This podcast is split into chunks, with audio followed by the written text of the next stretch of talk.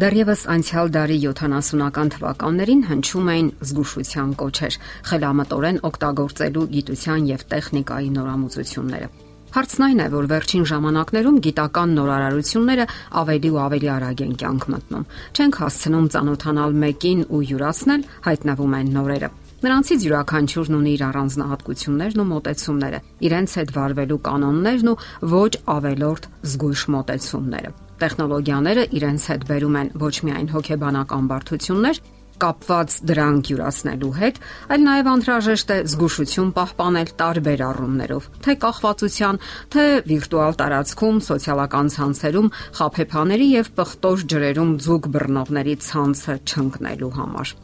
Փոփոխությունները արկա են Անհրաժեշտ է հոգեբանորեն հարմարվել այդ բոլոր փոփոխություններին։ Դրանք որոշակի առումով մարտահրավերներ են մարդկային ավանդական արժեքներին եւ հոգեբանությանը։ Նշանավոր գրող Ուիլյամ Ֆոլքները հարցազրույցի ժամանակ այսպիսի միտք է արտահայտում. Ամենուր տեղի են ունենում փոփոխություններ, բայց ինձ թվում է, որ տեխնիկայի մեքենայացման բնագավառում մարդն ավելի արագ է առաջ շարժվում, քան հոգեկան հարաբերություններում։ Այս հարցազրույցից անցել է ավելի քան 50 տարի, եւ այսօր միանգամայն նոր իրականություն է։ Միանգամայն նոր տեխնոլոգիաներ են հայտ եկել։ Գիտության եւ տեխնիկայի հսկայական աճը նոր հնարավորություններ է բացել մարդկության առաջ, սակայն միևնույն ժամանակ նոր վտանգներ են առաջ գալիս։ Ամենից առաջ մարդկային անհատականության կորուստ։ Այս մասին արդեն շատ են գրում, թե հոգեբանները, թե գրողները եւ թե պարզապես մտածող մարդիկ։ Գիտությունը թափանցել է մարդկային հոգու խորխորատները, զրկել նրան ռոմանտիկ զգացումներից,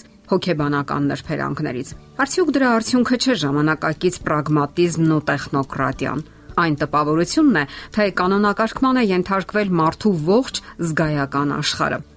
Առաջանում են նոր հասկացություններ։ Մարդկության լեզվական բռամաթերքը այսօր հարստանում է նոր բառերով, երևույթներով ու ըմբռնումներով Դրան նպաստում է գիտության եւ տեխնոլոգիաների զարգացումը։ Օրինակ, կիբերնետիկական դաշտ, վիրտուալ աշխարհ, համացանց կամ ինտերնետ։ Ով չգիտի այսօր սրանց մասին։ Համացանցը համարյա անսահմանափակ իշխանություն ունի մարդու վրա։ Տրամաբանական հարց է առաջանում. ով է ում հնազանդեցնում։ Մարդը համակարգչին, թե ընդհակառակը։ Երբ սոցիալական ցանցեր երևույթը նոր էր, թվում էր սրանք միաբանում են մարդկանց։ Սակայն այսօր այլ կարծիքներ են հնչում։ Գրում են, որ սրանք իրականում հակադրվում են ֆիզիկական շփումներին ու փոխհարաբերություններին, որ սրանք զրկում են մարդուն նախաձեռնությունից, ուղղորդում նախանշված ճանապարով, աղքատացնում հուզական աշխարհը, ջնջելով ժամանակի ու տարածության սահմանները կիբերտարածքներում։ Երբեմնի կիրառական Homo sapiens արտահայտությունը այսօր փոխարինելու է գալիս Homo cyber կամ կիբերնետիկական մարդ արտահայտությունը մարդը սկսել է դառնալ իր իսկ ստեղծած վիրտուալ դաշտի զոհը։ Ինտերնետը կամ համացանցը անսահման իշխանությամբ է ուշտում մարդուն սլանալու տեղեկատվական հսկայական ոլորտներում։ Ստեղծվել է մշակութային նոր մոդել, նոր իրավիճակ, ինչը նոր մոտեցումներ է պահանջում մարդուց։ Գիտության եւ արվեստի սերտաճման հետաքրքիր խառնուրդներ են առաջ գալիս, որոնք փոխլրացնում են միմյանց։ Այսօր մեկն առանց մյուսի ինչ որ չափով թերի է, Նրանք սնվում են միմյանցից եւ հարստացնում իրար։ Ինչպես ասում են, տրամաբանությունը եւ սիրտը քայլում են ձերք ձերքի։ Վերոհիշյալ հարցազրույցի ժամանակ Ուիլյամ Ֆոլքները շարունակում է իր միտքը. Ես այնքան էլ չեմ հավատում բանականությանը։ Սրտիդ չես խափի։ Բանականությունը վաղ թե ուշ կխափի, փորձանքի մեջ կգցի, իսկ սիրտը ոչ։ Նշանավոր ֆիզիկոս տեսաբան Ֆայնբերգը գրում է. Գիտությունը իր մեջ բարոյական չափանիշներ չի պարունակում։ Ավելին, գիտության հրապույրը իր հետևից բերում է տրամաբանական մտածողության ֆետիշացում, իսկ դա կարող է հանգեցնել բարոյական տարրերի նկատմամբ արհամարանքի։ Իսկ լուծումը Կարևոր է սակայն, որ դա չի հակասում այդ համակարգին եւ կարող է համադրվել գիտությանը, շարունակում է գիտնականը։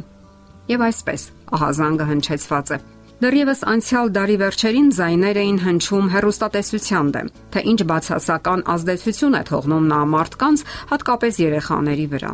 Նշում էին մտածողության ուղղորդումը, հոգեբանական ձեռնացությունը, մարդկային թուլությունները շահարկելը, ագրեսիան։ Նմանատիպ, եթե ոչ ավելի մեծ վտանգ է համացանցը կամ ինտերնետը։ Այս վիրտուալ դաշտում կա մարդուն հետաքրքրող ամեն ինչ։ Այդ ամենից մեզ բաժանում է ընդամենը մատի 1 աննշան շարժում իսկ դաշտի եւ աննշան շարժման միջև մի ողջ դաստիարակություն, արժեհամակարգերի հսկայական իմացություն, բարոյական պատրաստվածություն։ Այստեղ ավելի մեծ է ձեռնացության ենթարկվելու վտանգը։ Ինչ անել։ Հարկավոր է զգուշություն եւ ճափավորություն։ Թույլ չտալ, որ համացանցն ու ընդհանրապես տեխնոլոգիաները իշխեն մեզ վրա։ Ունենալ բնականon փոխհարաբերություններ մարդկանց հետ։ Ավելի շատ ժամանակ հատկացնել ընտանիքին, հետևել առողջ կենսաձևի եւ ճափավորության կանոններին, որովհետեւ հակառակ դեպքում հիմնախնդիրներ կունենաք, թե ֆիզիկական եւ թե հոգեբանական ոլորտներում։ Պարզապես հիշեք, դուք եք լինելու դրության տերը, երբ օգտվում եք տեխնոլոգիաներից։ Եթերում է առողջ ապրելակերպ հաղորդաշարը։ Ձեզ հետ է Գեղեցիկ Մարտիրոսյանը։ Հարցերի եւ առաջարկությունների դեպքում զանգահարեք 094 08 2093 հեռախոսահամարով։ Հետևեք մեզ hopmedia.am հասցեով։